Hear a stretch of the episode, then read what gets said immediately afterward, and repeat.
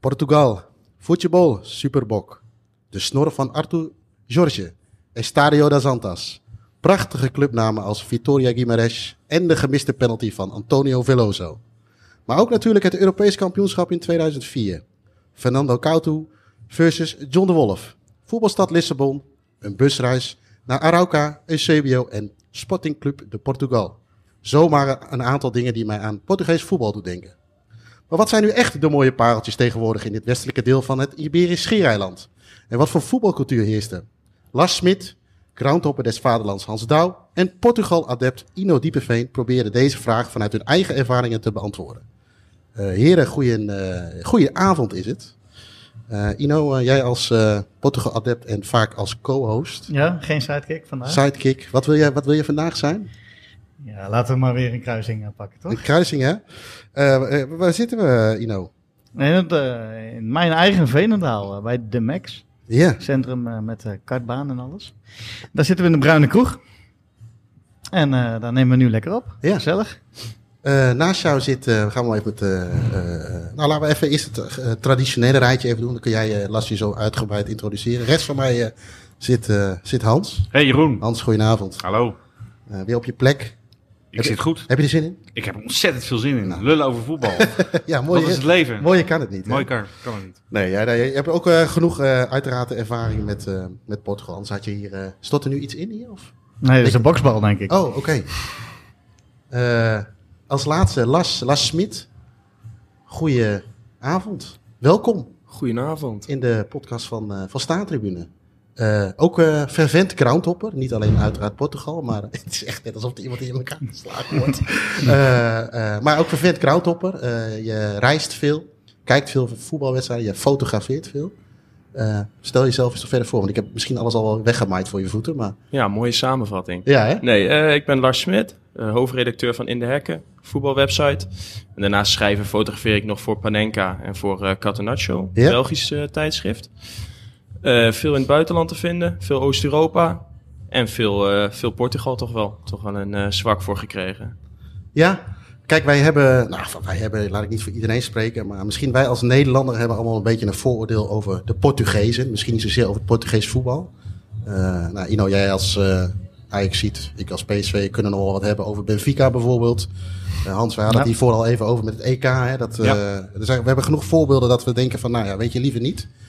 Maar we gaan er nu toch een podcast over maken om eens even te kijken of we die vooroordelen daarover in ieder geval weg kunnen nemen. Uh, Ino, wat, wat maakt jou een, een liefhebber van Portugal? Ja, ja, Portugees voetbal? Je hebt wel gelijk, het Portugees voetbal is niet zo heel erg populair bij ons Nederlanders. Nee. Uh, zowel het voetbal als, uh, als de voetballers. Hè. En, van het nationale team kunnen we natuurlijk ook genoeg voorbeelden noemen. Je zei het al in de intro. Maar als je dan echt ground op technisch gaat kijken, dan, dan kom je wel echt bij pareltjes van stadions. volledig asymmetrisch vaak. Uh, clubs waar je nog nooit van gehoord hebt, die allemaal op Enze lijken te eindigen. Maar uh, ja, je, je, wordt zo hartelijk welkom geheten. En je herkent de Portugezen niet meer terug van degene die je op het voetbalveld ziet. Dus ze zijn super gastvrij. Het is natuurlijk een lekker land met mooie steden, met mooi weer. Uh, redelijk goedkoop ook nog wel, zeker als je vergelijkt met Spanje. Ja. En dat maken toch wel, nou, maakt het toch wel een, een mooi voetballand om te bezoeken. Uh, dat, dat, ik, ik zie jou ja knikken of meeknikken, Lars. Dat herken jij? Ja, zeker. Want laten we dus wel even vooropstellen, inderdaad, het Portugese voetbal zelf, dat is uh, vreselijk. Dat is niet om aan te gluren. Dat is uh, veel swalbes maken, veel tijdrekken en vooral heel tevreden zijn met 1-0. Ja. Dus dat, daar hoeven we inderdaad, worden we niet heel enthousiast van. Zeker niet de Nederlandse clubs. Want dat lijkt altijd een beetje voor hetzelfde respect, recept te gaan. Ja. De Nederlandse club is 180 minuten beter. En Eindstad gaat er een Portugese club door. Hebben we nou weer gezien met Ajax natuurlijk. Ja. Maar verder qua groundhoppen en qua het volk zelf is het uh, fantastisch. Ze zijn best wel nuchter toch Portugezen, maar wel gasvrij. Niet te, maar heel, uh, heel oprecht. Tenminste, zo heb ik dat altijd ervaren. Ja. En inderdaad, ze weten wel hoe ze goed een uh, stadion kunnen, kunnen laten verpauperen een paar jaar lang. Uh, Hans? Ik, ja, in zekere zin sluit ik me aan bij, bij Lars en Ino. Kijk, in Engeland uh, kun je zeggen dat het type voetbal en het stadionbezoek, dat dat qua sfeer en qua gevoel in elkaars verlengde ligt. In Portugal vind ik dat echt mijlenver uit elkaar liggen. Dus in Portugal vind ik het voetbal, Lars zegt dat uh, terecht, niet om aan te gluren. Hard en veel zwalbes en nou ellendig. Uh, terwijl ik bij het stadionbezoek in Portugal juist het gevoel heb van dat het heel erg harmonieus is en laid en fijn en rustig en relaxed. Dus dat ligt echt enorm mijlenver uit elkaar. Dus ik kan iedereen aan, uh, aanraden om naar wedstrijden in Portugal te gaan. Ja. Uh, maar neem vooral je telefoon mee om tijdens de wedstrijd uh, de, andere dingen te andere doen. Dingen te doen. Maar ja, goed, het is als, als voetballand, als bezoekland, als groundhopland is het echt een geweldig land. Ook even los van voetbal is het natuurlijk ook prima toeven in Portugal. Hè? Sowieso het zuiden natuurlijk, maar je hebt met Porto, of oh, Porto is het geloof ik hè, officieel. Ja. Lissabon is natuurlijk ook een, tenminste ik vond het een hele leuke stad. Ja. wat was jouw eerste ervaring Hans met, met de Portugese voetbalcultuur? In of? 2003 was ik voor het eerst in Portugal. En ehm, waar ik, ik heb, kijk, in Nederland is het zo, in half augustus kun je ongeveer alle wedstrijden van het hele seizoen kan je met datum en tijd kan je in je agenda zetten. En dan verandert er nog wel eens wat, omdat er Europees uh, het een en ander gebeurt. Maar 95% van de wedstrijden staat half augustus gewoon helemaal klaar. Je weet precies van uh, uh, twee weken voor de wedstrijd begint de verkoop. En dan moet je om negen uur inloggen. En dan om, uh, hè, nou, et cetera, et cetera. Ja. Alles gereguleerd. En dan gaat anderhalf uur voor de wedstrijd gaat het hek open. En niet, niet 1 uur en 29 minuten, maar echt 1 uur en 30 minuten. Ja. Dus allemaal strak, strak, strak. Ja. Nou, en ik weet nog uit 2003, hè, want je vroeg van hoe was je eerste ervaring. Dat ik knettergek werd. Want uh, een week voor de wedstrijd, ik ging naar, naar uh, Sporting Lissabon, heette toen nog, tegen Estrela Amadora. Hè, ja. Alleen die naam al. En een week voor de wedstrijd was nog niks bekend. De dag was nog niet, stond niet, niet vast in het weekend. Het tijdstip stond niet bekend. Laat staan dat, uh, dat de kaartverkoop duidelijk was. Dus ik, ik was daar totaal gestrest van. En ik probeerde te mailen en ik probeerde te bellen. En nou, niks hielp eigenlijk. Dus ik ging eigenlijk met de stress in mijn lichaam naar, naar, naar, naar Portugal toe, naar Lissabon toe. En ter plaatse bleek alles heel erg mee te vallen. Dus uh, ik had gezegd van, joh, is dat stadion niet enorm uitverkocht? Nou, het bleken maar 15.000 mensen naar die wedstrijd te gaan. En dat bleek ongeveer ook het gemiddelde te zijn. Ja. Je kon overal gaan zitten en staan uh, wat je wilde. Het kostte bijna niks. En die wedstrijd die was op zaterdagavond om half tien. Dus dat vond ik op zich ook wel bijzonder om mee te maken. Want ik had nog nooit een wedstrijd bezocht die zo laat was. Maar goed, wij zaten met een halve gegrilde kip zaten op die tribune zaten we bij uh, Lissabon tegen Estrela Amadora. Ja, en ik dacht van ja, mooier gaat het niet meer worden. Dus ik heb daar achteraf hele goede herinneringen aan. Ja. Maar ik heb toen wel geleerd van als je naar Portugal naar wedstrijden gaat, rustig aan. Ja. Rustig aan. En als je, laat ik zeggen, een, een reis plant, zorg ook dat je van tevoren rekening houdt met, met die dagen. Dat het kan, kan veranderen, dat het een dag later kan zijn of een dag eerder kan zijn. Ja. En zorg voor alternatieven. Dus als, je, als jouw wedstrijd niet doorgaat, zorg dan in ieder geval dat je aan de hand van Soccerways of op een andere manier weet wat voor programma er speelt. En dat je snel kan schakelen naar een andere wedstrijd. Want dat heb ik ook wel meegemaakt. Uh, Lars, jij hebt, als ik het goed begrepen heb, ook een tijdje gewoond in Portugal. Ja, zeker. K wat kun je daarover vertellen? Ja, daar herken ik me wel in. Je kan met... Uh met Portugese en met Portugese voetballers ook als je het wil plannen. Je kan wel vergeten om uh, op tijd een gedegen planning te maken. Dat kan wel aan de kant. Met alles? Met alles. Want ik heb wel eens gestaan met... Uh, we hebben dan een groepje bevriende supporters in Portugal. Van Estrela de Amadora toevallig. Dus uh, mooie inhaken gelijk. Maar die wisten dan op de ochtend zelf nog niet of de sfeeractie nou door zou gaan die middag. Dat, dat gaat allemaal nog spontaan en last minute. Dan moest die dan nog met die bellen en die moest nog overleggen met de club. En dan moest nog even geschakeld worden met de bond diezelfde dag. En dan ja. zagen ze een paar uur later wel of het door zou gaan. Dus uh, dat, uh, waar heb je gewoond? Uh, Lissabon. Lissabon. Ja. En niet vervelend, denk ik, om daar te wonen. Dat is zeker geen straf om daar te wonen. En nee. was dat studie of gewoon even een half jaar? Hoe lang heb je er gezeten? Zes maanden. En gewoon even denk ik, ik ga daar wonen of zo? Voor studie. Oh, studie. Moest hij naar het buitenland. En heel veel gingen richting Spanje en zo, richting Barcelona. Ja. Ik dacht, ik kies dan toch net even iets anders, waar je net iets minder van hoort. Ja. Voor Lissabon gekozen. Ja, geen seconde spijt van gehad. Want ik vind het echt een schitterende stad. En uh, qua, uh, qua taal Portugees uh, vloeiend? Nee, zeker niet. niet. ik, kom ook niet verder dan obrigado, is het denk ik, hè? Ja, ja dat klopt. Oké, okay, en uh, uh, we hadden, uh, Hans, die noemde net al met, met de planning. volgens mij is het jou een keer overkomen, toch, Ino? Dat, je, dat alles op één dag viel of zo? Was het laatste een keer? Dat je naar Portugal ging? Of haal ik niet dingen door? Ja, in Porto ooit een keer de combi op één dag gemaakt met uh, Like Soes, Like Choice. hoe je het ook uitspreekt. Hebben we een keer aandacht aan besteed. En hè? FC Porto. FC Porto is dan wel weer een voorbeeld wat ik geen mooi stadion vind als, als groundhopper, een stadionliefhebber. Maar ja, als je dan weer een mooie wedstrijd ziet ja. die, die uh, volledig om Portugees wel in 4-0 eindigt in een mooie voetbalshow, dan is dat weer mooi meegenomen. Een vriend van mij was afgelopen weekend, toen werd het 7-0 zelfs. Dus uh, hmm. dan moeten ze helemaal gek zijn geworden. Ja, uh, ja die combi's in Lissabon heb ik ook wel gemaakt, ja, met Belenenses en, en Sporting. Ja, want ik ben een Portugal-leek. Ik ben dan één keer een lange periode geweest. Maar hoe, het is een, een langwerpig land. Of, van, van boven naar beneden. Las, wat kun jij vertellen over de, de, de, de bijvoorbeeld de divisiestructuur? Hoe zit, het, hoe zit dat in Portugal in elkaar? Ja, eigenlijk heb je dus sowieso elk gebied heeft dan zijn eigen divisie. Maar vooral in Lissabon en in Porto, die hebben dan natuurlijk super veel amateurteams. En wat je dus ook ziet als je iets hoger gaat, je hebt zeg maar, uh, sinds kort hebben ze nou een derde niveau. Okay. De derde nationale niveau dan, die ook heel veel op rare tijden spelen. Dus altijd leuk voor combi's. En daaronder zit dan een semi-nationaal niveau. Maar bijna vanaf het derde niveau en alles daarboven zijn bijna alle clubs die je vindt liggen of rondom Lissabon of rondom Porto. Want dat is heel erg die geografie van het land. Het is een heel langgerekt land. Ja. Maar bijna alles wat in het oosten zit, daar zit eigenlijk alleen maar kleine dorpjes met, uh, waar bijna geen mensen wonen en helemaal niet wordt gevoetbald. Okay. Dus je hebt aan de zuidkust heb je denk ik één, twee clubs die op het tweede niveau spelen. Dan heb je de eilanden. Dus op Madeira zitten er drie. En op de Azoren zit er eentje. Ja. En de rest is bijna allemaal te vangen in rondom Lissabon of rondom Porto. En dan uh, Braga, uh, Guimarães liggen eigenlijk ook gewoon heel dicht bij Porto. Ik zei net Guimarães, maar het is dus Guimarães. Oké, sorry. Nou, dan gaan we alweer. uh, Hans, jij bent ook naar het EK toen geweest hè, in, in 2004. Ja, zeker. Ja.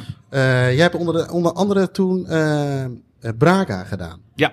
Uh, Nederland-Letland. Ja, uh, ja. Uh, nou, sowieso een mooi resultaat die dag natuurlijk. Wat we allemaal niet meer verwacht hadden als voetballiefhebber. Maar ik ben ook bij die wedstrijd geweest. En wat mij vooral ook bijgebleven is, buiten het resultaat, is dat stadion. Ja. Ja, weet je, ehm, er zijn, als, je, als je als groundhopper houdt van, laat ik zeggen, de, de, de manier waarop een stadion in zijn omgeving opgaat. Hè? Wat, wat je natuurlijk in Engeland heel veel hebt met, met stadions die midden in, in, in woonwijken liggen en zo. Uh, maar in dit geval een stadion wat in de natuur ligt. Hè? In mhm. dit geval de rotsige natuur. Uh, ik kan me herinneren dat, uh, dat ik dat stadion liep. En ik had dat natuurlijk al wel bij andere wedstrijden al gezien. Maar goed, ik liep er toen zelf in. En dat ik gewoon een soort van geïntimideerd was door de schoonheid van, van, van de lelijkheid. Hè? De, de, de rotsen. Ja. ja. eigenlijk aan één kant is het vooral dat die rotsen erachter liggen. Ja. Uh, ja, er staan twee tribunes waar, van 15.000 man, uh, waardoor het alsnog een, een stadion van 30 is uh, in totaal. En ik was totaal flabbergasted door, door, door, die, door die rotspartij. midden in een stadion eigenlijk. Dat is natuurlijk een hele, hele vreemde gewaarwording, maar wel heel bijzonder. ook een rare, een bijzondere infrastructuur. Dus je kon alleen maar naar de, naar de tribune komen aan de overkant door de onderdoor, door de garage te lopen ongeveer. Ja. Ehm, maar wel heel bijzonder, uh, laat ik zeggen, uh, in samenhang met de omgeving. Dus uh, ja, ik vond het, het, staat in mijn top 25 van, uh, van mooiste stadions ter wereld. veel architectuurprijzen gewonnen ook, hè? Ja, precies. Sowieso is Braga ja. een stadion die mij heel veel pijn doet. Want uh, ik heb hem al twee keer moeten missen vanwege die bekende verschuivingen op het laatste oh, moment. Oh jee, oh ja. ja, uh, afgelopen jaar zijn wij, uh, of afgelopen oktober zijn we toch dan maar naartoe gereden om het stadion te bekijken. Werd mij vooraf al gezegd, joh, op, op zondag zit alles op slot. Nou, dan laten we ons natuurlijk niet zomaar door uit het veld slaan. Maar het is echt zo. Het is een terrein met aan, volgens mij aan twee kanten een hek. En als dat hek op slot zit, kom je het terrein niet op. Dan denk je van, nou, dan klim je die rots op en dan uh, zet je daar ergens een auto neer en dan kun je het van bovenaf zien. Maar ook niet. Uh, dus uh, hermetisch afgesloten. Dus die moeten we maar als drie keer scheepsrecht houden. Jij moet, er nog, je moet daarvoor nog een keer, naar een keer terug. Ja. Um, waar ben je wel geweest met een wedstrijd, Ino? Nou ja, wat ik zei, die Nenses en Sporting dan, vanuit Lissabon. Ja. in, in Porto dan die twee. Um, Rio Ave, een heel apart stadion ook. Zeker nu het verbouwd wordt, is nog maar één tribune. Maar je hebt daar dat aquaduct, eh, aquaduct hè, is volgens mij wat daar rondom uh, uh, het Romeinse bouwwerk wat daar ligt. Ja. Wat natuurlijk wel een mooie backdrop geeft. Ja, en verder wel veel stadionnetjes gezien. Dus je kunt mij niet echt een hele grote Portugal adept noemen. Maar, niet, toch niet. Toch maar ik ben, wel, ik ben wel gek van die, van die kleine stadionnetjes. Ja. je hebt daar Varzim bijvoorbeeld aan het, op het strand. Mm. Uh, die hebben we volgens mij als foto ook gebruikt in de, in de aankondiging. Ja, en het is, uh, Lars, het is ook allemaal uh, redelijk op een reisafstand te doen. het land, toch? ik weet niet wat het van noord tot zuid is, maar alles ligt, wat je zegt, alles ligt al een beetje hè, rondom Porto en rondom Lissabon, zeg maar. Maar ook al ga je daar tussen reizen. Dus, tenminste, ik heb de ervaring dat het toen prima te doen was. Ja, 100%. Met, uh, met 2,5, 3 uurtjes ben je met de trein ben je gewoon van, uh, van Lissabon naar Porto. Ja. Ja, en daartussen heb je dan nog zoals Coimbra. De universiteitsstad, daar zit er Ja. nog wel een leuke club. En verder, als je weer in de buurt van Porto zit, dan met een half uur rijden heb je zo 10, 15 profclubs te vinden. Farsim ligt eigenlijk tegen Porto aan. Rio Ave Ja. ligt ook gewoon tegen Porto aan. Ja. Dat is allemaal, eh Like Choice ligt eigenlijk ook eh, Ja. in principe tegen Porto aan. Ja, dat is bij het vliegveld. Ja, Nou ja, goed, dan, eh, dan heb je het. hè. Je noemt vliegveld. eh eh, laten we even de praktisch kijken naar het reizen. Je kunt vliegen op eh, Lissabon uiteraard. Eh Faro, denk ik even uit mijn Zeker. hoofd. Ja. Mhm. Eh, Porto. Ja. Eh, ik ben zelf gevlogen toen op, eh, op Vigo. Dat is net Spanje, zeg maar. Maar ligt tegen, rela- relatief dicht tegen de grens aan.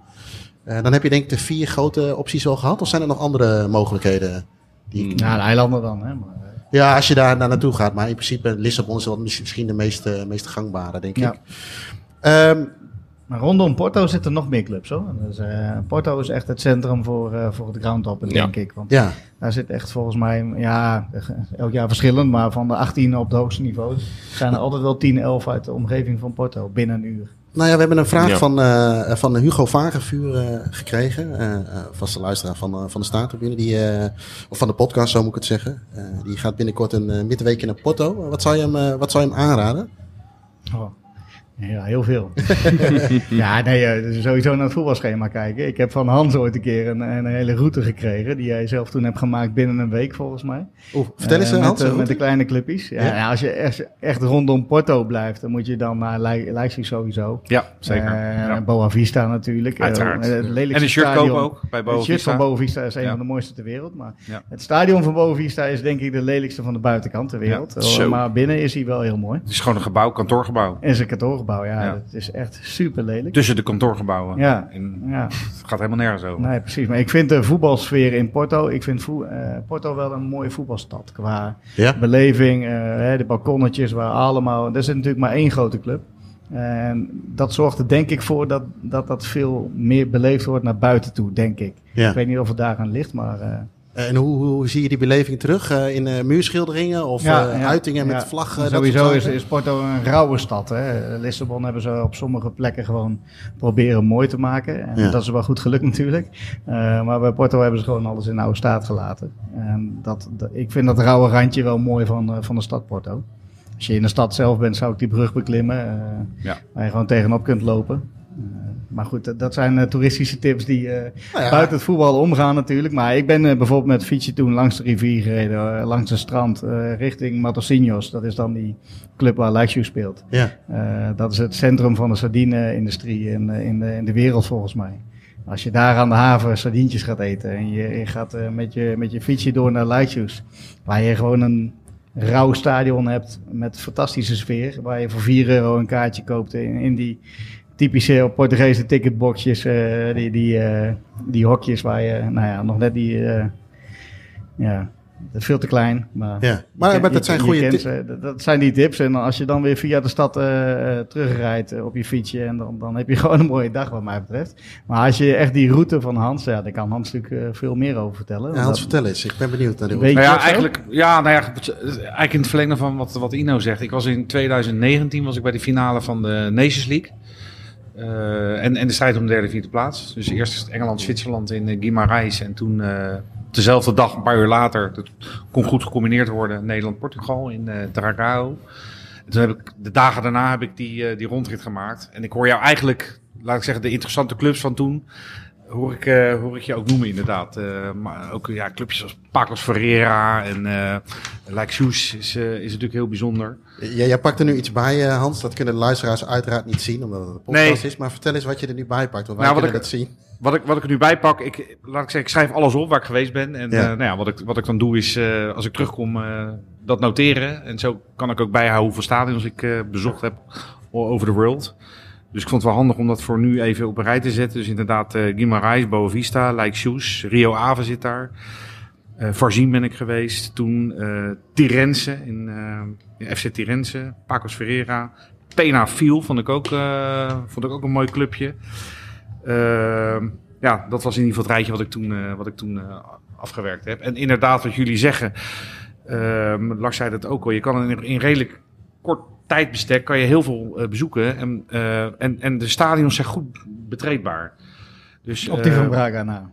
Op die van Braga na. Ja. Ik kan me herinneren dat op dit rondje dat alleen, eh eh en, eh, corrigeer me als ik verkeerd uitspreek, maar Familiciano of uh, Familiciao, Ciao. ja. Dat was de enige die, eh, waar ik niet in kwam. En dat was op dat moment, vond ik dat niet zo erg. Ik denk, nou, dat is een clubje van niks. En toen, daarna hebben ze alleen maar top gepresteerd. En hebben ze zelfs een tijdje aan kop gestaan in de, in de hoogste divisie. Als Dus- promovendus. Als promovendus. mij, ja. Dus toen had ik enorm de balen dat ik toen die dag daar niet binnen was gekomen. Ja. Maar weet je, dat is ook het spannende van groundhoppen, dat het gewoon mis kan gaan. Dus het, doordat het mis kan gaan, ben je extra blij als het steeds weer lukt. Dus op zo'n dag dat ik dan eh, tien stadions wil doen, eh, als het één keer mislukt, dan ben ik die negen keer ontzettend blij dat het wel gelukt is. Dus dat heeft ook wel een bepaalde, bepaalde functie. Ja, ja, even- Als je, als je de regio uh, Guimarães, Braga hebt, en daartussen ligt ook nog Vizela. Ik weet niet of je daar bent geweest. Nee, ben ik niet Dat is een geweest. club die afgelopen jaar is gepromoveerd. En die hebben ook een prachtig stadion. Eh, Daar zijn wij zelf toen niet meer aan toegekomen om die te bezoeken. Maar eh, dat is ook een hele mooie. Dus, en eh, Braga, daar kregen we volgens mij ook nog een vraag op Twitter van de combi-regeling. Eh, of een opmerking dat die eh, ook in het oude stadion van Braga, voor, de, Ja. voor het EK natuurlijk, eh, het Primero de Mayo. En dat is ook wel een mooie bak. eh, Dat die is nog die steeds aanwezig. Dat is nog steeds aanwezig, ja. En Ja. Die, die oude stadions, en daar zal Las natuurlijk nog veel meer over kunnen vertellen. Het nationale, oude nationale stadion, maar nog steeds een Mhm. bekerfinale Stadio gespeeld. Nationaal, ja. In uh, Hueras, hoe heet dat? Hoe, hoe Mhm. spreekt dat? Ja. goed uit? Die vind ik ook uitdagend. Maar in ieder geval vlak naast Lissabon. ja. Klopt, daar wordt tegenwoordig zelfs meer gespeeld. Alleen dat is ook weer een heel verhaal. Ja, Belenenses ook nu, hè? De Ja, oude, de oude, Dat ja. ligt gevoelig wat je Ja. nu zegt. Want eh, Vertel. er zijn nu eh, twee Belenenses. Dus Ja. dat, eh, dat maakt het dus heel Ja, erg de een oude, dingetje. de oude inderdaad. Ja, De zeg maar, je hebt uh, Belenenses was één profclub natuurlijk, die iedereen wel kent in Nederland denk ik, Ja. ook veel Europees gespeeld en zo. Ja. En de, de bestuursstructuur in Portugal zit vaak zo in het, eh, in, als het ware in elkaar, dat er een SAT is. En dat is dus een Sociedade Anoniem Desportiva, zoiets iets in, die, eh, iets in die richting. Maar betekent eigenlijk dat het eerste elftal als het ware wordt losgerukt van de rest van de club. Dus dat is een losstaand ding ja. van de rest van de vereniging. Zeg maar vergelijkbaar met AGOVV, Ja. de profclub, is Ja. failliet en de amateurs zijn gebleven. Beetje dat idee. Nou, dat Be- Belenenses SAT werd dus overgenomen door een eigenaar. Met wilde plannen, eh, zoals eigenlijk altijd bij zo'n overname. Hè, eh, Champions League voetbal en noem maar op. Nou, dat bleek allemaal dus niet waar te zijn. Dus op een gegeven moment waren de supporters er klaar mee. En die hebben dus de SAT uit het stadion gegooid. Dus die hebben als het ware de, het eerste elftal hebben ze uit de club gegooid. Nou, wat er dan meestal gebeurt is dat zo'n SAT dan dus failliet gaat. Want nou, die heeft dus niks meer. Maar wat er in dit geval is gebeurd is dat die eigenaar zei van... Die valt voor mij nog steeds prima aan te verdienen. Wij krijgen prima tv-geld elke keer binnen. Wij gaan gewoon door. Dus nu eh, heet het officieel B-SAT, B-SAT. Dus dat Ja. is wat Belenenses was, want ze mogen dus niet meer de naam gebruiken. Ze mogen niet meer het logo gebruiken. En die zijn dus eh, het stadion uitgezet. En die hebben maar besloten om in het Estadio Nacional, dat nationale stadion wat jij eh, benoemde, om daar te gaan spelen. Ja, maar dat staan is nu dus- onderaan. Ja, ze staan nu gelukkig Ja. onderaan. En dat is dus als het ware een eh, spookclub zonder supporters. Ja. Want alle supporters die zijn gebleven bij het echte Belenenses. Mhm. En die zijn dus weer opnieuw gestart. Hebben hun eigen, eigen club weer opnieuw eh, opgericht. En zijn in het allerlaagste amateurniveau weer begonnen. En die zijn nou langzaamaan de dingen aan het beklimmen. Die staan nou volgens mij voor de derde of vierde promotie op rij, moet ik het goed zeggen. Dus die zijn misschien binnen afzienbare tijd ook weer terug. En die spelen dus Die in spelen het hè? Wat een Dat bizar is wel verhaal. een joh. van de mooiste stadions, hè? Ja? Restelo, hè? Restelo is, Ja, is met fantastisch, zeker als je over de zee eh, uitkijkt. Ja. Ja. Ja, jij noemde dat stadion ook, eh Lars, in jouw eh, eh, voorbereiding naar mij toe, eh, noemde je die ook al op. Eh je hebt het nu over supporters, hè, eh, die eh, ja, wat invloed daarop uitoefenen. Hoe zit überhaupt de supporterscultuur in elkaar in Portugal? Ja, wat je in Portugal heel veel hebt, en dat komt misschien ook deels door die ligging. Dus dat alles rondom Porto of rondom Lissabon ligt, is dat je heel erg eh, een top 3 cultuur hebt. Dus veel meer dan je hebt in Nederland, is het eigenlijk is iedereen of voor Sporting, of Benfica, of Porto. En dan eventueel daarnaast zijn ze nog voor hun local. Ja. Maar bijna iedereen in al die dorpjes in het oosten natuurlijk, die hebben geen eigen club. Die worden voor een van de grote drie. Nou, eh, iedereen die in of rondom Lissabon zit, zit natuurlijk vlakbij Benfica of Sporting. Die wordt voor Benfica of Sporting. Alles wat rondom Porto zit, wordt voor FC Porto. Dus Ja. het is wel heel erg een cultuur die gericht is op die top drie. En het eh, support your local, zoals we dat hier kennen, is daar echt een, een stuk kleiner. Eigenlijk is alles als het ware een soort Telstar. Het heeft wel een kern, maar ja, eigenlijk alles wat daar woont is binnen een paar minuten in Amsterdam. Dus wordt gewoon voor Ajax, want het is veel groter en veel leuker. ja. Dus dat is wel, eh, wel een dingetje wat je echt ziet daar. En eh, eh, is er nog een bepaalde reden waarom iemand zou kiezen tussen aanhalingstekens voor een Benfica of bijvoorbeeld voor Sporting? ligt daar nog iets, een bepaalde gevoel achter of politiek of... Of is het gewoon dat je daarmee opgevoed wordt? Maar ik heb een Benfica-familie, dus ik word ook voor Benfica. Ja, dat is het wel voor een groot gedeelte. Heel, heel veel klassenverschil is het niet meer. Dat was vroeger wel heel erg, ja. zoals vaak. Maar dat is met de jaren heen is dat een beetje, een beetje vervaagd allemaal. Dus het is ook niet, uh, ja, wijken rondom het stadion misschien nog een beetje. Maar verder is het echt gewoon, bij wijze van spreken, puur toeval. Met wie je vrienden wordt als je uh, 12 bent of, uh, of wie je ouders zijn. Ja, oké. Okay.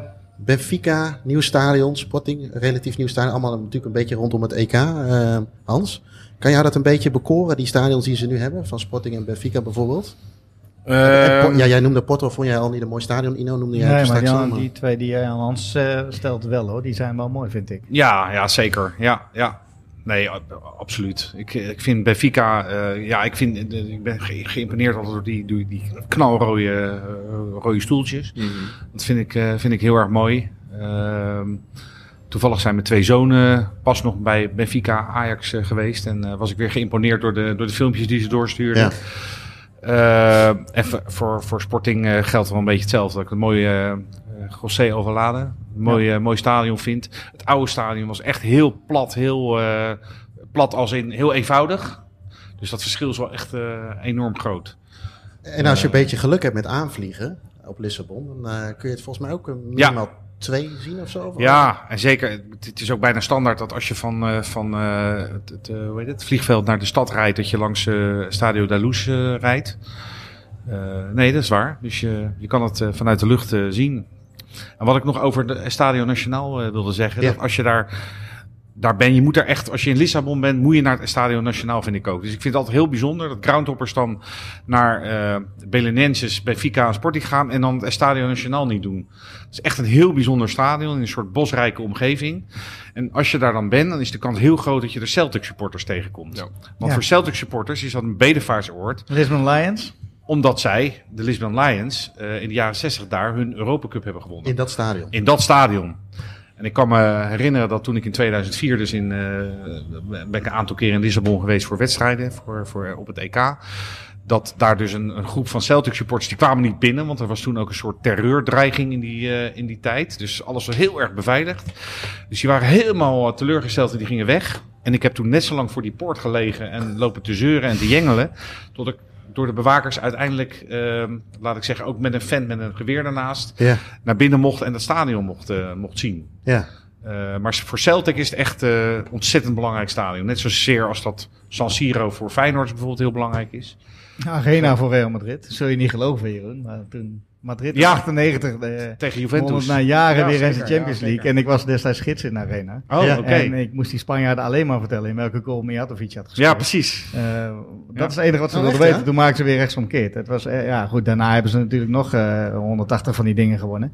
maar ja, dat was toen ook een soort van bedevaartsoord voor Madrid. Maar de, wat jij zegt over het stadion, stadion Nacional. Ik ben er zelf niet geweest. Maar het fascineert Oei. mij van, door die bomen dan. Ja. ja. Volgende keer ga ik echt, sorry. Maar die bomen, maar ook het gebrek van een lange zij dan één kant. Dat is zo maf om te zien. Ja. Wat is dat, uh, uh, hoe zag het er vroeger uit? Weet je dat Hans? Uh, vanuit, de, vanuit de boeken? Doe je Stadion Nationaal? Ja? Nou, heel simpel. Dus het, ik, het, beeld wat ik nog op mijn netvlies heb, maar dat dateert dus van 17 jaar geleden inmiddels. Mm -hmm. 18 jaar geleden. Is dat het een soort marmeren, marmerachtige trappenstructuur had waar heel veel staanplaatsen waren en uh, ook eenvoudige zitplaatsen. Dus dat een heel basic stadion was, midden in de natuur. Met dus uh, de, de connotatie van die Lisbon Lions ja. uh, en die jaarlijkse bekerfinale. Nou, inmiddels uh, weten we dat, dat daar ook weer gewoon een normale competitiewedstrijd worden gespeeld. Maar juist dat basic, dat, dat spreekt mij enorm aan. Dat, ja. dat hele pure. Ja. Dus dat was het, dat, dat witte tegen die groene achtergrond. Dat was ook midden in de zomer natuurlijk dat EK. Dus dat, dat contrast dat staat me nog heel erg uh, bij. Ja. Die, uh, uh, daarover gesproken, uh, een bruggetje misschien wel makkelijk gemaakt. Veel clubs, derbies in Portugal, Las. Ik, de eerste die ik me te binnen schiet is natuurlijk Sporting Benfica. Ja. Ehm, hoe, in hoeverre is dat een soort haat en nijd rivaliteit? Ja, Sporting Benfica, dat is wel flinke haat en, haat en nijd, ja. Ajax Feyenoord gehalte, een beetje, ja. of... Uh, en, en, en, wat, en dan heb je die. Hè, dat is, uh, ik, ik, zie wel eens wat beelden voorbij schieten, volle bak. Uh, en, maar hoe, hoe zit het met, met maatregelen rondom zo'n derby bijvoorbeeld? Kijk, wij hebben Ajax Feyenoord geen uitpubliek bijvoorbeeld. Hoe zit het in Portugal? Oh, dat valt in Portugal wel redelijk mee. Dat kan allemaal wel redelijk gemoedelijk. Ja? Als je bijvoorbeeld ziet ook een, een Porto tegen Benfica. Wat in principe vanwege die stedenstrijd tussen Porto iets rauwer, Lissabon de hoofdstad. Wat ook echt heel heel heftig is. Daar kunnen uitsupporters gewoon met vrij vervoer. Die komen gewoon vanuit het openbaar vervoer en daarna wandelen ze naar het stadion. Zeg maar, dat regeling kennen ze niet in Portugal? Nee, totaal niet. Niet zoals wij dat kennen. Nee, wat je ook dus vaak nog kan doen, eigenlijk vrijwel altijd, is dat je ook gewoon als bezoeker gewoon kaarten kunt kopen voor het uitvak bij de kassa op de wedstrijddag. Dus dat is wat wij bijvoorbeeld hebben gedaan bij het Stadio Nacional. Omdat er natuurlijk uh, dan die zat was en die spookploeg. Dat ik dacht van ja, met uh, hè, altijd against modern voetbal roepen. Dan kun je er ook niet zomaar tussen gaan zitten. Dat was met Estrella toch? Hè? Nee, nee, nee, nee. Nee, dat was, hebben we bij uh, Vitoria Stubal. Setubal. Okay, Hebben we toen in het uitvak gestaan. Ze hebben ook gezegd uit de plekken van, uh, dat kunnen we eigenlijk niet maken. Want daarvoor waren we bij het echte Bedenenses geweest. Ja. En die waren dus, uh, speelden een zaalvoetbalwedstrijd. En daar waren dus ook al die ultras aanwezig. Want dat is dus ook een dingetje, die cultuur daar. Dat uh, dingen zoals zaalvoetbal, daar gaan alle ultras heen. Ja. Uh, hockey op rollerschaatsen, dat is daar nog steeds heel groot. Ja. Handbal, noem het maar op, daar gaan ze ook allemaal heen. Ja. Nou, dat was heel gezellig. En toen dachten we, ja, dan kunnen we het nu niet maken om Nee. Dus eh, af en toe denken we ook nog een beetje na met het gevoel wat we wel en niet kunnen maken. Precies. zeg maar. Uh, Sporting Benfica. Uh, welke, uh, welke affiches zijn nog meer mooi die we daaronder kunnen scharen als een derby? Bijvoorbeeld? Je noemde net natuurlijk Porto-Lissabon, de, de, de, strijd. Maar als we wat naar een iets lager niveau kijken of wat kleinere clubs? Ja, wat je nog hebt is uh, Rio Ave tegen Farsim. Nou, en tegen Lake Sois ook in mindere mate. Nou, die liggen alle drie zijn dat havensteden die vlak bij Porto liggen. Dat is een wedstrijd met veel rivaliteit. Enige punt is wel dat Rio Ave staat momenteel op uh, promoveren. Farsim staat op degraderen. Dus de kans dat die wedstrijd komende tijd gespeeld wordt is, uh, is niet heel groot. En dan de tip die ik zou meegeven is Vitoria Guimarães tegen Braga. Dat is echt uh, een beetje meer NEC Vitesse Go Ahead Pack-achtig. Dus ja. zijn allebei zeg maar net onder die topclubs. Maar zijn heel fanatiek. Vooral Vitória Guimarães heeft echt een van de fanatiekste supporters van heel Portugal. Dus dat is wel echt een derby die, uh, die ik iedereen zou aanraden. En dan is het ook met dat soort wedstrijden dat kaarten in principe geen probleem. Dan kun je ook nog steeds op de wedstrijddag zeg maar, eh, die kant op. Ja, in principe kan het overal in Portugal wel. Ja, bij een Sporting Benfica zul je van tevoren even moeten, moeten opletten. Maar dan nog kun je een paar dagen van tevoren komen er altijd wel weer kaarten vrij online en kun je gewoon kaarten halen. Eigenlijk kaarten gaat vrijwel nergens in Portugal een probleem zijn. Nee, dat, dat, Volgens mij heb jij nooit problemen met kaarten, Hans, maar volgens mij beaam je dit wel of niet? Ja, 100%. Nee, absoluut. Nee, ik heb in, in Portugal zeker nog nooit problemen met kaarten gehad. Nee, heerlijk. Ik bedoel, in Nederland heb je, tenminste in, in West-Europa heb je voortdurend stress over, uh, over kaarten. Ja. Uh, maar in Portugal is dat uh, totaal niet aan de orde. Dus dat is zo lekker is dat. Wij hebben onze luisteraars ook gevraagd naar uiteraard vragen, maar ook wat, wat tips of eigen ervaringen. ja, er is ook wat ingestuurd, Ino, hè, wat audiofragmenten. Laten we er eventjes naar eentje gaan luisteren. En ik moet heel snel even spieken. Die is van, uh, moet ik even goed klikken, van, uh, van Vincent. Laten we er eventjes naar, uh, naar gaan luisteren. Mijn eerste groundhop trip ooit was in mei 2012 in Porto. En wat voor een was dat meteen? Het was direct de derby tegen Sporting. Onofficieel was Porto de week ervoor al kampioen geworden, maar tegen Sporting kon het echt definitief veiliggesteld worden. Totaal onvoorbereid richting Portugal gegaan. Geen kaarten, geen informatie, helemaal niks. Natuurlijk kregen we overal te horen dat het was uitverkocht. Dus hadden we ons eigenlijk er al bij neergelegd dat we maar in een of ander barretje de wedstrijd moesten kijken. Tegen beter weten in ging degene waarmee ik op reis was op de ochtend van de wedstrijd toch nog even op de website kijken. En alsof het zo had moeten zijn, er waren nog een paar kaarten over naast het uitvak. Die hebben we natuurlijk meteen gekocht. Rond een uur of zeven in de avond toch maar eens richting een stadion gaan om vast de sfeer te proeven. Het stond natuurlijk alweer belachelijk vol, ook al begon de wedstrijd pas om half tien. In Portugal waren ze dus al wat eerder met supporters onvriendelijke tijden. Wat ons direct opviel was dat de uitsporters die tegelijk met ons aankwamen gescheiden werden door misschien een stuk of tien stewards en een verdwaalde politieman. In Nederland ondenkbaar natuurlijk. Goed, het zal wel. Wij een shortje kopen van Porto en Stadion Marin, naast het uitvak en tegenover de Super Dragões. Eindelijk was het dan tijd voor de wedstrijd. Wat meteen opviel was dat elke speler zijn haar blauw-wit had gespoten. Of ook een baard. Het zag er best wel grappig uit. Natuurlijk hoort er tegen de rival ook indrukwekkende tifo bij en dat was ook zeker het geval. Aan alles kon je merken dat dit een derby was. Het geluid, de passie, de strijd op het veld, alles was aanwezig. In de eerste helft waren al vijf gele kaarten gevallen, waarvan drie al binnen de eerste 20 minuten. Porto was zeker beter, dus dit belooft wat voor de tweede helft. Een mooi moment in de rust was dat iemand van de tweede ring had besloten een vliegtuigje te bouwen van een van de papieren van de TiVo. Wederom, alsof het zo had moeten wezen, landde die precies op het hoofd van een nietsvermoedende sporting supporter. Natuurlijk heel het uitvak over de zijk en alle thuisvakken lagen compleet in de scheur. In de tweede helft ging het eigenlijk verder zoals in de eerste helft. Veel kans voor Porto, maar ze gingen er maar niet in. Toen kwam de 81ste minuut. Hoelijke werd neergehaald in het strafschopgebied en Porto kreeg een penalty. Hulk zelf schoot er strak door het midden erin en het hele stadion ontploft. Dit kon niet meer fout gaan. Om het af te maken, maakt Hulk het ook nog in de 88ste minuut de 2-0. Twee minuten later fluit de scheids af en waren ze kampioen. Tijd voor een feestje. Eerst nog een ceremonie in het stadion waar wij natuurlijk geen kut van begrepen, maar wel mooi om te zien. Ze hadden er een mooie show van gemaakt. Later gingen we nog even de stad in om verdere feestjes te bouwen op het grote plein van, Porto. Overal toeterende auto's, het waren net Turken. En op de een of andere manier vonden ze het prachtig als mensen aan hun auto's gingen hangen of op het dak gingen surfen. Of als een bezetene heen en weer te schudden. Moet je je even voorstellen in Nederland.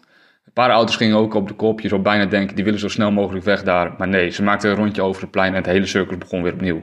Zo ging dit nog door tot in de late uurtjes. Ja, Portugal was een groot succes en heeft mijn groundhop verslaving zeker aangewakkerd. Sindsdien zijn we tien jaar verder en minstens 35 groundhop trips voor mij.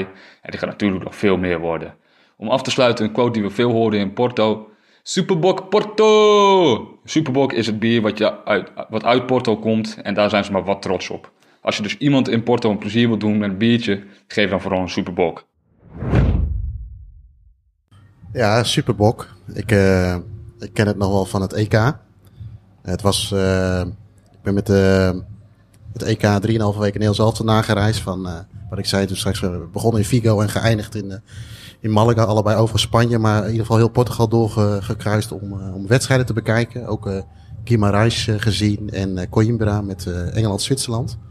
Maar overal zag je Superbox, Superbox, Superbox, Superbox. het was ook soms wel eens gewoon, gewoon op. Het was gewoon uitverkocht. Uh, Superbok, ik wist niet dat het eh, bier uh, kwam uit uh, Porto. maar er is nog iets moois, Ino. Wat uit Porto komt. Als we het toch over eten en drinken hebben. Wil je zeker naar de Porto of niet? Nee, hè? Nee, nee, nee. nee, jij wil naar de Francisina, ja, dat weet ik. Dat weet ik. Maar, jij vindt dat niks, toch? Of nee, ja, ik misschien net een verkeerde tent ervoor gehad. Maar als je ja. dan de eerste, de slechte ervaring hebt, dan ga je ook niet meer naar een tweede toe. Nee. Maar dat, nee, dat, dat is dus zo'n zo een vieze natte tocht die in zijn tomatensoep drap. Maar jij vond hem heel lekker. Dus, ja, dit, is, goed, jij... dit, is vloeken in de kerk, hè? Ja, dat is wel. Dit, dit gaan ze niet leuk vinden. Zeker, maar goed, dan, dan ga ik wel gewoon voor die pastel nata, die die pastijtjes die... Uh... Ook niet verkeerd, maar uh, Las, wat is uh, exact een Francisina? Kun jij het omschrijven?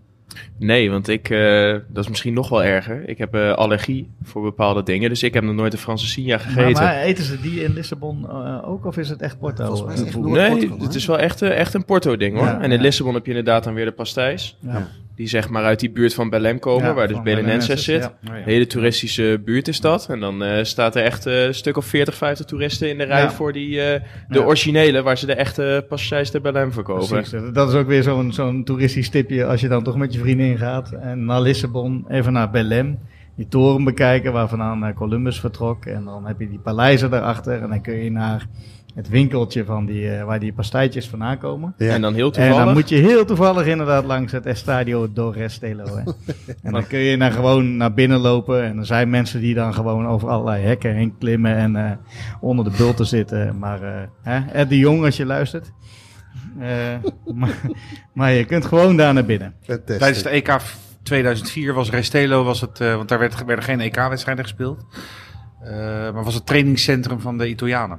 Oh ja? mooi. Ja. Oké. Dus uh, toen, uh, toen wilde ik uh, ook even bij Restelo binnen, want ik was toch in Lissabon. Dus toen probeerde ik er binnen te komen, maar die Italianen hadden zelfs hun eigen beveiliging binnen. Maar het bleek dat aan de andere kant van het stadion, dus de andere kant ten opzichte van, van de Taag, laat ik zeggen, aan de andere kant was een sportclub of een fitnessclub. Ja. En via die fitnessclub kon ik binnenkomen. Dus heb ik alsnog een training van het Italiaanse elftal gezien. Het is toch wel, het zijn wel bij Spanje had hij via een ziekenhuis of zo. Wat, was je, wat vertel je de laatste Ja, dus ja. Jij komt wel via bijzondere wegen overal Nou ja, goed. Ja, er stonden deuren open. Ja, nee, dat, moet, dat, is ook, dat is ook stom als je dan niet die deur niet... Uh, Niks geforceerd, gewoon, uh, gewoon doorlopen. Ja. Um, je hebt zes maanden gezeten, ook veel voetbalcultuur opgedaan. We hadden het net even over Superbok en een China. Maar wat is überhaupt een beetje het, het stadionvoer in een stadion? Ik kan me dat zelf eigenlijk niet meer zo goed heugen eh, toen de tijd. Maar eh, met een EK is dat, met een eindtoernooi is dat toch altijd wel iets anders. Maar hoe, hoe zit dat in Portugal? Vlees, dat sowieso. En het ding daar is de bifana. Dus dat is zeg maar eh, varkensvlees op een broodje. Dat is zeg maar het ding wat ze allemaal eten in de stadions daar. Ja, nu je dat zegt, wij kregen een reactie van eh eh, tribuneklanten daarover volgens mij. Ja, Die had zelf Ja. nooit eh, echt Goeie de foto. behoefte. Ja, die heeft nooit echt de behoefte om eh, naar Portugal te gaan vanwege alle vooroordelen die we net al noemden. Maar stel nou dat je dat een keer zou willen benutten. En ik ben nu keihard aan het scrollen en dat is dit. bij RM Ham Benfica was het of niet? Juist, in Luxemburg. Oh ja, klopt. Ja. ja. Dat is een goede tip trouwens. Ja, je hebt Ja. sowieso heel veel Portugezen die in Luxemburg zijn gaan wonen. Dus Ja. je hebt een RM Ham Benfica, je hebt een Sporting Steinfort, die hebben weer Ja. het logo van Sporting Portugal. En er is er ook nog eentje die op Porto lijkt. Ik weet even niet hoe die heet, maar Ja. je hebt ze allemaal daar. En dan eh, inderdaad kun je gewoon een goede Bifana scoren op, eh, op eh, een paar uurtjes rijden. Ja, dit, ik, wij zitten, ik zit hier er naar die foto uit. te kijken. Ja. Want je wordt er gewoon gelukkig van als je dit Ja, ziet. fantastisch. Ja, hij is goed. En, eh, maar dat is dus echt, eh, dat kom je in de stadions dus ook gewoon tegen om, het, eh, om dat te benutten. Oké. Ja, ja, ja, ja. ik heb dat- ze wel eens gezien. Dan stonden ze gewoon op de. Zetten ze de geel nog aan waar je bij was. En gingen ze gewoon daar eh, voor de kantine bij die kleinere clubs. Gingen ze even. Gooiden ze even 10 bifana's erop. En dan eh, was het feest. Mooi. Ik-? Kun je wat meer vertellen over die kleine clubs? Want ik, eh, Casa Pia bijvoorbeeld, heb ik volgens mij wat Ja, over gelezen. mooi. Zijn eh, vrienden van mij laatst ook geweest. Die waren ook helemaal onder de indruk. Maar eh, vertel. Klopt, ja. Die zijn tegenwoordig gepromoveerd. Casa Pia. Dus Ja. die zitten nou op het tweede niveau. Toen ik En was, was staan bovenaan, eh, nu ja, staan bovenaan. Klopt. Er zit een. eh, een geld, eh, iemand met geld achter. Dus dan, eh, dan wil het wel. Dus die gaan misschien naar het hoogste niveau zelfs. Maar ook een hele leuke club. Zeg maar echt eh, best wel in de bossen. Dus, eh dus de naam van het stadion was ik ook vernoemd naar de, het bos wat er omheen zit, zeg maar. Pina Maniek is het, als ik het goed heb. En dus ook gewoon een mooie tribune, lekker in de bossen. En dat is dan weer de christelijke club. En eh, je hebt eh, Real Queluz. Dat ligt dan weer ook rondom Lissabon. Ook weer een veel kleinere club. Dat is dan weer de koninklijke. En zo heeft elke club heeft wel een beetje zijn eigen cultuur daar. Ja. En dan heb je een paar mooie, welke ik heel mooi vond, was eh Football Benfica. Nou, dat is dus, eh, ik denk zo ongeveer de moeilijkste club ooit om Google ook maar enige informatie over te vinden. Want zodra je Football Benfica intypt, dan krijg je, ja, dat is alsof je voetbal Ajax intypt. Ja. Ja. dan ga je niet heel veel andere dingen krijgen dan Ajax Amsterdam. Ja. Maar die hebben dus een tribune die, eh, die van ellende uit elkaar stort. Dat is altijd mooi. Die, Dat eh, wil je. Dat wil je, ja, zeker. Dat wil je. Dan springen de tranen bijna spontaan in de ogen, inderdaad. Er was, eh, met Lint was het al afgezet, want het, was echt, het kon ieder moment instorten. Daar mocht eh, absoluut niemand meer op staan. Prachtig. Ja. En dan welke club nog mijn persoonlijke voorkeur heeft, dat is Estrella dan, die Amadora. Nou, die spelen nu weer op het tweede niveau. Maar die zijn heel lang failliet geweest. Die hebben zeg maar ook problemen gehad met de SAT. Alleen die zijn toen helemaal failliet gegaan. Die zijn toen zes, zeven jaar zijn ze ook failliet gebleven. Dus die tijd dat ik in Portugal woonde, waren ze ook nog steeds failliet. Ja. En pas toen, een jaar of vier, vijf geleden, zijn ze weer opnieuw gestart op het laagste amateurniveau. Dat waren ze ook toen ik er was. En die hebben wel echt een heel goed, eh, goed groepje fanatieke supporters. Omdat zij komen uit, dus uit Amadora. En Amadora is als het ware een buitenwijk tegen, eh, bij Lissabon. Zit er als het ware tegenaan gegroeid. En die staat eh, redelijk slecht bekend. Tenminste, als je Amadora intypt, eh, dan het eerste wat je krijgt is crime, crime rates en noem maar op. En dan schijnt alle misdaad vier keer hoger te liggen dan in Lissabon Centrum. Dus dat staat niet heel positief bekend. En over mooie shirts gesproken, hè? Schitterend. Fluminense Ja, ja, die hebben een shirt. Ijsje template. Klopt, ze hebben hem ook van Fluminense gekregen. Ze hebben hem ooit cadeau gekregen uit Brazilië. En toen dachten ze, deze vinden we zo mooi. Die houden we gewoon aan. Dus die, eh, die hebben inderdaad die shirts. Die zijn wel heel schitterend. En een club met echt een, echt een unieke sfeer. Veel, eh, veel immigranten wonen er. En nou ja, het staat nog heel slecht bekend. En het is ook best wel... Ja, het is niet de gezelligste buurt. Ik heb er ook rondgelopen, liep het winkelcentrum in. En er waren alleen maar telefoonwinkels en eh, winkels die pruiken verkochten. Toen dacht ik al, ja, Op zich. ja je weet maar nooit. Hè? Je kunt het altijd gebruiken. Jeroen is om nu, hoor. Ja, ja, ik, Ja. eh, ik hoorde net al over dit, eh, dat broodje. En, eh, Oké, ehm, nog iets anders hebben we ook wel even benoemd, maar nog niet over gehad. Eh, Portugal kent natuurlijk ook een, eh, een aantal eilanden. Eh, Madeira. eh, wat, een van jullie, eh, Ino, eh, eh, Hans, volgens mij allebei niet op een van de eilanden geweest. Pijnlijk onderwerp. Nee, ja, ja vind je dat? eh, dat ja, is, nou ja, eh, goed. Ik, inderdaad, ik ben nog niet eh, op, eh, op Madeira geweest. Nee. Staat nog op het lijstje, maar moet nog een keer gevinkt worden. Ja. Nou, laatst nog een docu op eh ESPN volgens mij met Mitchell van der Graag. eh, zijn Ja. tijd daar Oh ja, bij ja, eh, ja. Maritimo Ja, volgens mij. ja. Ja. Ja. Ja, ziet er tof uit. Drie, eh, drie clubs hè, op het eiland. Ja. Klopt. ja, het is eh harken. Ja. Ja. Want, want welke, dan heb je de Madeira, zijn er nog andere eilanden, Las, eh, waar ook nog gevoetbald wordt of waar een Ja. club zit? Ja, je hebt Madeira en je hebt de Azoren. Ja. Op de Azoren zit Santa Clara. Dat is ook best een redelijk grote, grote club. En eh, ze- de Azoren zelf zijn echt een schitterend eiland met mooie natuur. En Madeira heeft er dus drie. Die zijn wel redelijk voetbalgek. Ik ben er dan eh, één keer geweest, dus dan kan ik ook een keertje de groundhopper des vaderlands eh, overtreffen. ja, ja, ja. Dat is ook wel, eh, ook wel een keertje leuk. Alle drie gezien of niet? Nee, nee, nee. De- Er zouden er precies twee spelen als ik eh, thuis speelde, dat weekend dat ik er was. En eh, die planden ze, zoals ze dat zo goed kunnen in Portugal, eh, bijna precies tegelijk. Die speelden een half uur eh, verschil van elkaar. Ja. Dat, eh, waar je in Nederland eigenlijk nooit zou zien. Zoiets hadden ze daar weer precies zo gepland. Dus ik heb alleen eh, nationaal kunnen zien. En eh, die er toen nog was, die er nu niet meer is, het eh, wereldberoemde standbeeld van Cristiano Ronaldo. Oh, het hebben ze- vliegveld. Hebben ze die Heb jij hem gezien? Ik, heb, ik sta ermee op de foto zelfs. Zo. Ja, het leek precies. Die Eén op één. Die foto is geld waard. Ja, precies. Maar die, hebben ze, die, die, die, die staat er dus niet meer. hè? Nee, die staat er Ah, dus niet meer. Waarom is mij niet, eh, niet duidelijk. Misschien dat het toch iets te maken had met het feit dat hij een beetje op eh Sean van der Brom leek daar. Maar En Ronaldo is verder geen, eh geen ijdeltuit. Dus eh, ik kan me wel voorstellen dat hij er iets, iets mee wilde. Oké, dus dat is. eh, maar ook zeker een aanrader om. het eiland is natuurlijk mooi, hè? Dat, Ja, dat- zeker. eh, dat weten we misschien wel uit de vakantiegidsen. Maar ook qua voetbal, eh, als je het kunt combineren, ja, als je er toch bent. Maar voor jou was het echt puur voor de voetbal om erheen te gaan. ja, want het is, eh, het is vanuit Nederland is het redelijk duur aanvliegen, zeg maar Madeira. Dus dat houdt ook heel veel mensen tegen. Ja. Maar als je vanuit Portugal vliegt, dan sta je voor drie tientjes sta je daar. Want het is voor hun natuurlijk gewoon een binnenlandse vlucht. Dus als je voor iets langere tijd in Portugal bent, nou ik had het geluk dat ik er gewoond heb, dan kun je gewoon makkelijk even voor drie tientjes vlieg je heen en terug naar Madeira. En dan verblijf je daar een paar dagen.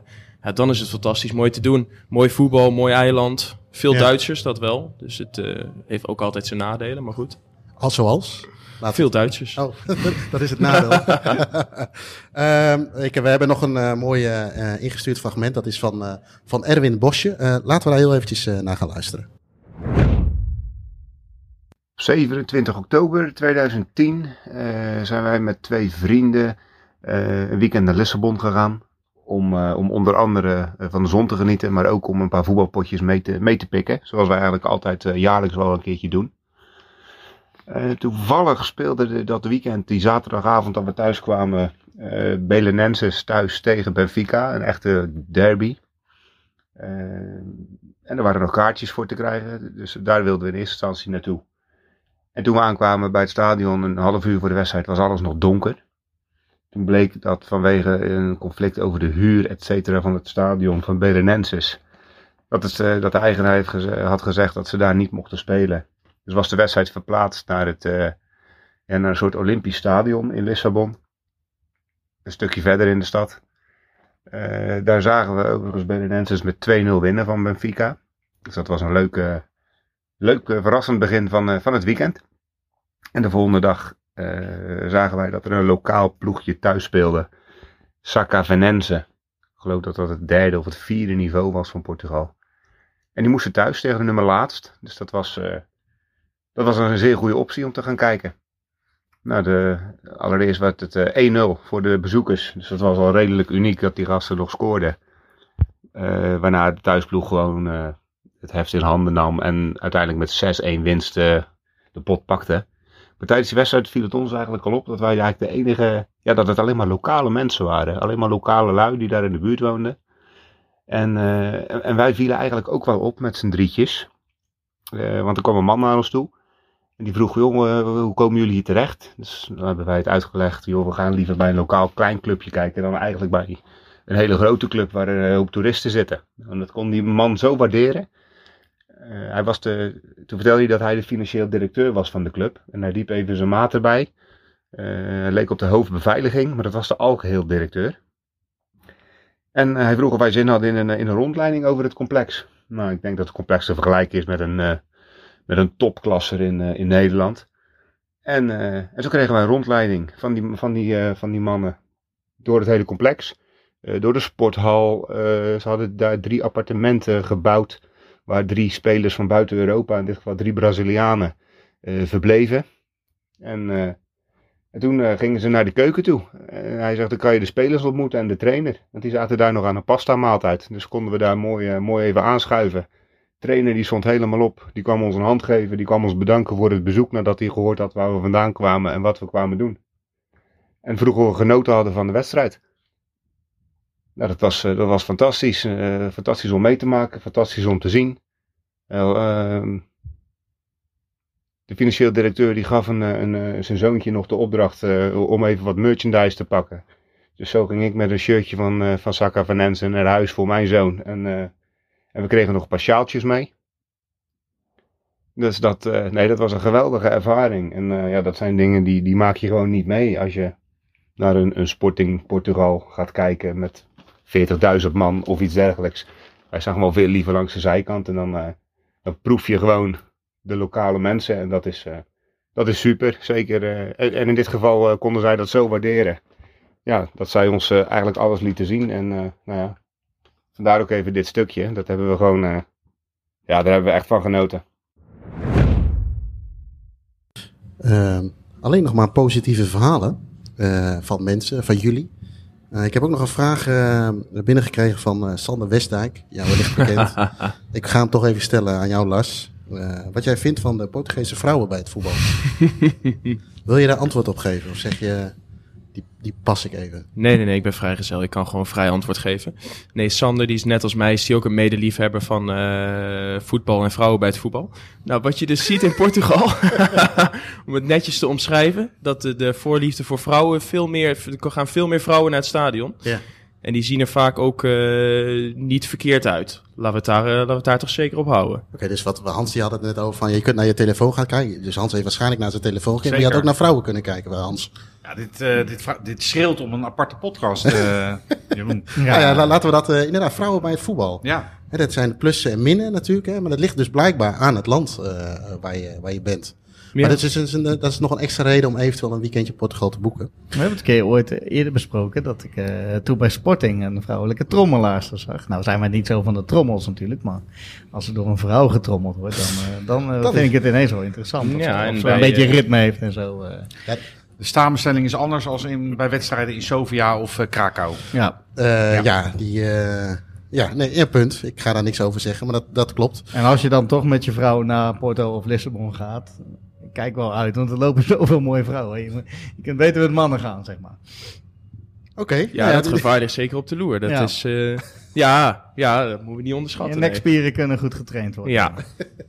nou, heel goed. Dat is, uh, dat is uh, nog, nog een pluspunt inderdaad. Uh, we hadden net al even over het standbeeld van, van Cristiano Ronaldo, die er dus helaas niet meer is.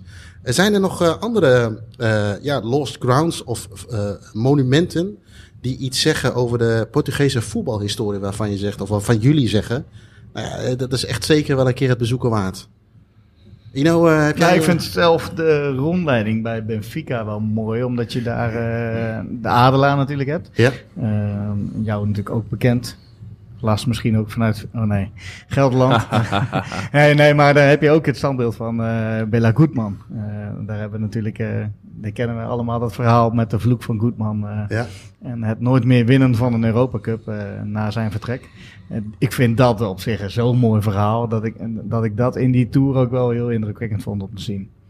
Dus. En, en de tour aan zichzelf, uh, of aan zich? Uh, ja, goed, het is een mooi stadion. En door die Adelaar en die, en die Bella Goodman uh, heeft het genoeg dingen om, om die tour te boeken als je er toch bent. Ja, Hans, jij nog nou ja, voor?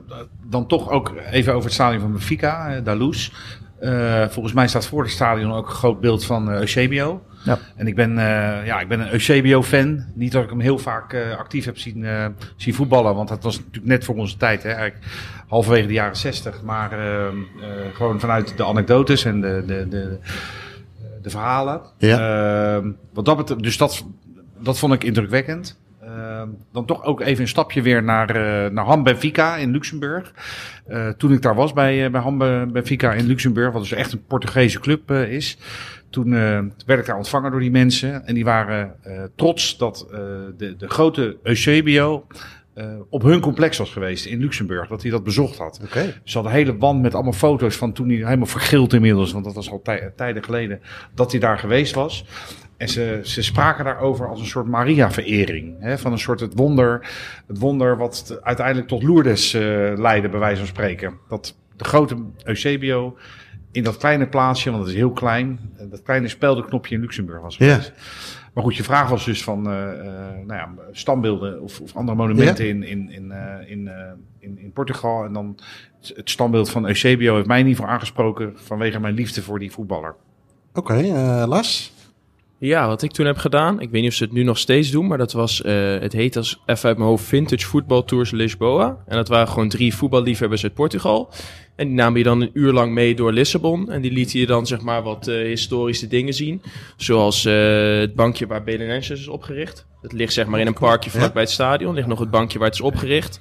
Het huis waar legendarische Belenenses speler Pepe Soares, die is daar geboren. Dat is wel een heel triest verhaal trouwens. Die was, eh, was schijnbaar supergoed. Ik denk jaren 40, 50 is het geweest. Heeft ook op de Olympische Spelen in Amsterdam gespeeld. En schoot in 30 in in 20 wedstrijden en noem maar op. En die was toen, toen hij 23 was, werkte ook nog in een fabriek. Toen had, ze, had hij eh, de chorizo meegenomen van thuis. Die had zijn moeder gemaakt. En die wilde het zeg maar eh, met wat zout of zo, dat het langer goed bleef, wilden ze doen. En die had dus per ongeluk het verkeerde chemische goedje gebruikt. Dus eh, hij had pauze, nam zijn eh, broodje chorizo en die viel eh, een uur eh, later viel die dood neer op 23-jarige leeftijd. Dus dat eh, het huis waar hij geboren heeft. En daar hangt dan ook een plakkaat bij met, eh, met dat het zijn geboortehuis is. Ja. Dat vond ik ook wel heel bijzonder. Dat, ja, dat verhaal überhaupt, maar ook die tour is natuurlijk wel eh, heel gaaf om te doen. Dat je op, eh, langs dat soort plekken eh, langs gaat. Eh, we hebben veel gehad over eh, eh, dingen die we gezien hebben. En wa- wat je wel en misschien ook wel... Ja, daar, hebben we het overigens nog niet over gehad. Maar zijn ook dingen die je niet moet doen in Portugal? Of rondom het Portugese voetbal? Of is het gewoon inderdaad, je, kunt kaartjes kopen bij de, bij de, bij de kassa. De cultuur is blijkbaar redelijk eh, gangbaar, hè? geen combi's, dat soort dingen. Of zijn het, zijn het dingen die je misschien niet moet doen? Kijk, zoals eh, eh, in Duitsland moet je soms wel eens even kijken dat je niet overal een foto moet maken, want dan word je weer door die gasten aangesproken. Zijn er dingen die, die, die, die- dat- je daar iets over kan zeggen, Lars? Nou, ik heb wel één tip, want dat is mij dus al een paar keer, paar keer gebeurd wat heel erg misgaat. Wat ze daar dus echt niet willen is dat je de camera meeneemt het stadion in. Dus zeg maar fotocamera's. Oké. Dat is echt uitgesloten. En dat is toen ik dus bij Vitória Guimarães was. Was Ja. ik mooi op tijd, 10 minuten voor de aftrap. Ik naar binnen, tas open, camera. Zeiden ze, ja, die mag niet mee. Ik denk, oké, dat, eh, dat, oké, dan kan ik hem hier laten dan. Zeggen ze, nee, dan, eh, dan moet je naar eh, blok 4 gaan, hier verderop. Nou, dus ik naar poort 4 gaan. Bij poort 4 zeiden ze, nee, dan moet je bij poort 6 zijn, verderop. Oké, nou, dus ik naar poort 6. Die zeiden, nee, dan moet je bij poort 9 zijn. Oké, ik naar poort 9. Die zeiden, nee, nee, dan moet je in de fanshop zijn. Oké, dus ik de fanshop in. Die zei, nee, dan moet je naar poort 14. Oké, dus nou, de, ondertussen die wedstrijd al 10 minuten bezig. Ik naar poort 14. Die zeiden, eh, kan je het niet in je auto leggen? Ik zeg, nee, ik ben niet met de auto. Ze zei, oh, oh, dan moet je naar poort 4 gaan. ik zei, ja, oké, maar daar kom ik net vanaf. eh. hè? Eh, oké, nou, dus ik weer terug naar poort 4. Ik had ondertussen de, die hele zijde gezien. Er stond ondertussen nieuw iemand. Dus ik weer vragen. Zij de portofoon geroepen, hele stadion rondgeroepen. Zij, nee, is dicht vanwege corona. Nou, ik kwam dus gewoon niet binnen. Dus ik wilde al weglopen. Toen kwam ik dus langs het pershokje toevallig nog. En daar zag ik één man staan. Dus ik keek hem zo aan. Heel vragend. Ja. Zou het misschien... eh, Dus ik mijn camera aan hem gegeven. Hij zei, kom maar, ik leg hem wel binnen. Ik leg hem hier wel weg. Maar anders was ik dus gewoon niet binnengekomen. Dan Nee. laten ze je gewoon niet binnen. Dat eh, heb je gewoon pech. Maar dan heb je het ook over een echte Een fotocamera. cameraatje, zeg ja, maar, ja, ja, ja, ja, ja. Oké, dus dat is... eh, Bizar, hè? Ja, Ja. voor zo'n land waar zoveel kan en waar dus Ja. bijna geen strenge regels zijn, was dit echt... Het was niet onderhandelbaar. Ja. We hebben alles geprobeerd, maar het was pech. En is dat lang geleden? Of, eh, Nee, dit was eh, deze december. Dus het is eh vijf, bizar. Want terug. je kan tegenwoordig met, met mobiele telefoons kun je gewoon magazine-waardige foto's maken. Ja. Ja, Echt zonder problemen. Dus het is echt een bizarre regel. Maar ik herken het wel hoor. Het was bij Guimarães. ja bij Oké. Guimarães. Maar hetzelfde is me gebeurd bij Sporting Benfica. Nou, toen kon ik hem wel makkelijk afgeven. En dus bij het Estadio Nacional. Oké. Dus eh, het is wel... eh, sindsdien laat ik hem gewoon eh, lekker, lekker thuis. Dan Ja. delen wij trouwens wel een trauma rond Guimarães. Want als ik aan Guimarães denk, dan, dan was ik bij, eh, bij, bij Engeland-Zwitserland. Strijd om de derde plaats eh, op de Nations League. Ja. Dat was de eerste wedstrijd in mijn leven waar ik niet een gewoon wedstrijdkaartje had. En ook niet een geprint kaartje. Maar een, eh, een, een, eh, een co- een code in een wallet. Ja. Eh, en ik als kaartjesfreak, die al zijn kaartjes bewaart vanaf wedstrijd 1 ooit in 1976 tot aan nu. eh, dat deed pijn aan mijn hart. Dat ik een, een app moest downloaden en dat ik dan een code kreeg. En die werd ter plaatse werd die, werd die, ontsloten. En, ja, en weg was het. En, nou, en dat gold voor elke toeschouwer volgens mij. En dat gold voor iedere toeschouwer. En ehm, Uh, nou, dat was dus voor het eerst in mijn leven. Tegenwoordig begint het al normaler te worden. Hè. Eigenlijk seizoenkaarten zijn nog gewoon uh, een, een, een, app op je, op je, op je telefoon. Mhm. Maar toen was het voor het eerst. En je kon dan wel, kon je voor, als je wat bijbetaalde, kon je zes weken na het toernooi, kon je nog kaartjes uh, opgestuurd krijgen. Nou ja, dat was natuurlijk totaal voor de show. Ja. Want een kaartje geldt eigenlijk alleen maar als je met dat ding ook door de poort bent gegaan. Ja. Er stond er volgens mij ook, want met EK, het uh, afgelopen EK, kon je dat ook doen. Kon je ook doen, ja. Maar dat stond volgens mij ook ergens op van dit is meer een, uh, ja, een soort van replica-achtig iets. Hè? Dat is ja, niet, klopt. En, geen echt wedstrijdkaartje. Ja, daar kon het ook inderdaad. Oké, okay, ja, nee, wat dat betreft uh, is het wel against modern football. Gimmerijs, ja. pijnlijk onderwerp. Pijnlijk onderwerp, ja. Uh, oh ja, daar wilde ik naartoe voordat ik op dit onderwerp kwam. wensenlijstjes. Ja, die, maar ken je inmiddels, hè? ja, Braga ja, drie keer schept recht. Ja, Braga is voor jou uh, ja, wat je ook, wel, ook wel Madeira ook. Uh, ja? ja? Ja, zeker. Ja. En Lars, heb jij nog... Uh, hoeveel, hoeveel, heb jij een, zo paraat hoeveel stadions je gezien hebt? Poeh, nee, zo niet uit mijn hoofd. Maar ik denk een stuk of 30, 30 35 zoiets in Portugal. Zo? Met wedstrijd dan. Ja, met ja. wedstrijd. Dus de, de, veel van het wensenlijstje heb ik al kunnen afstrepen. Ben dan ja. in december naar Porto geweest tegen Benfica, die stond nog hoog. Ja. Dan Vitoria Braga moet ik nog heen, die staat hoog. En uh, Fabril de Barreiro. Dat is dus ook ligt weer bij Lissabon, zoals alles in de buurt van een grote stad ligt. Maar Ja. dat ligt daar zeg maar aan de overkant van de rivier. En die hebben een mooi stadion met plek voor zo'n 10, 12.000 man. En dat sta- bestaat volledig uit houten bankjes. Dus die heb ik altijd nog op het lijstje staan. En die hebben daar zelfs nog Europees gespeeld in 57, wat zal het zijn, tegen, tegen AC Milan. Dus dat is wel een stadion met veel geschiedenis die, ik nog altijd, eh, die er altijd nog net niet is van gekomen. En staat Portugal voor jou überhaupt qua vinkland ergens in jouw top 3 of zo? Want als je 30, 35 stadions gezien hebt, dat is best wel veel. Ja, ja qua aantallen sowieso. Ja. En ja, omdat je dan een persoonlijk gevoel erbij hebt, dan, eh, dan sowieso. En dat nu dan vrienden heb gemaakt met een supportersgroep daar, ga sowieso vaker die kant op. Ja. En dan blijft het toch een dingetje. Dus ja, die staat wel bij mij in de top 3, ja. Ja, Oké. Eh, Hans, eh, Nou, Madeira is al genoemd, hè? Ja. Daar wil ik heel graag een keer naartoe, dus dat gaat een keer gebeuren. En wat ik dan nog specifiek als club heb waar ik nog niet geweest ben, want de meeste grote clubs ben ik wel geweest, is eh Aruca. Eh, moet je met de bus gaan? nou ja, goed. We hadden natuurlijk destijds Heracles tegen Aruca. Eh, ik, ik ben toen wel naar de thuiswedstrijd in, in Almelo geweest. Maar de, de terugwedstrijd niet. En toen kwam dat hele verhaal inderdaad met die bus die, eh, met al dat gevaar en die mensen die moesten gaan lopen. En nou, wat heel spannend was. Ja. Eh, en sindsdien eh, heb ik een soort obsessie om daar ook nog een keer naartoe te gaan. Het liefst met de bus. Ja. Maar nou ja, dat moet nog georganiseerd worden. Daar hebben we overigens een keer een hele leuke podcast over opgenomen. Waar mensen die in die bus zaten daar ruim schoots over hebben verteld. Ehm, Oké, ik denk dat we best wel wat eh, leuke tips hebben voor de luisteraar. Eh, we hebben wat wensen van jullie gehoord. eh, wat we wel en niet moeten doen. Ehm, heren, mag ik jullie bedanken voor jullie informatie, input en mooie verhalen. Ehm, luisteraars, bedankt voor het luisteren naar deze aflevering van de podcast van Staantribune. Mochten jullie tips, ideeën, opmerkingen of vragen hebben, laat het ons vooral weten. Mail deze naar podcast.staantribune.nl. En voor meer informatie over het magazine, abonnementen of boeken verwijs ik je graag naar www.staantribune.nl.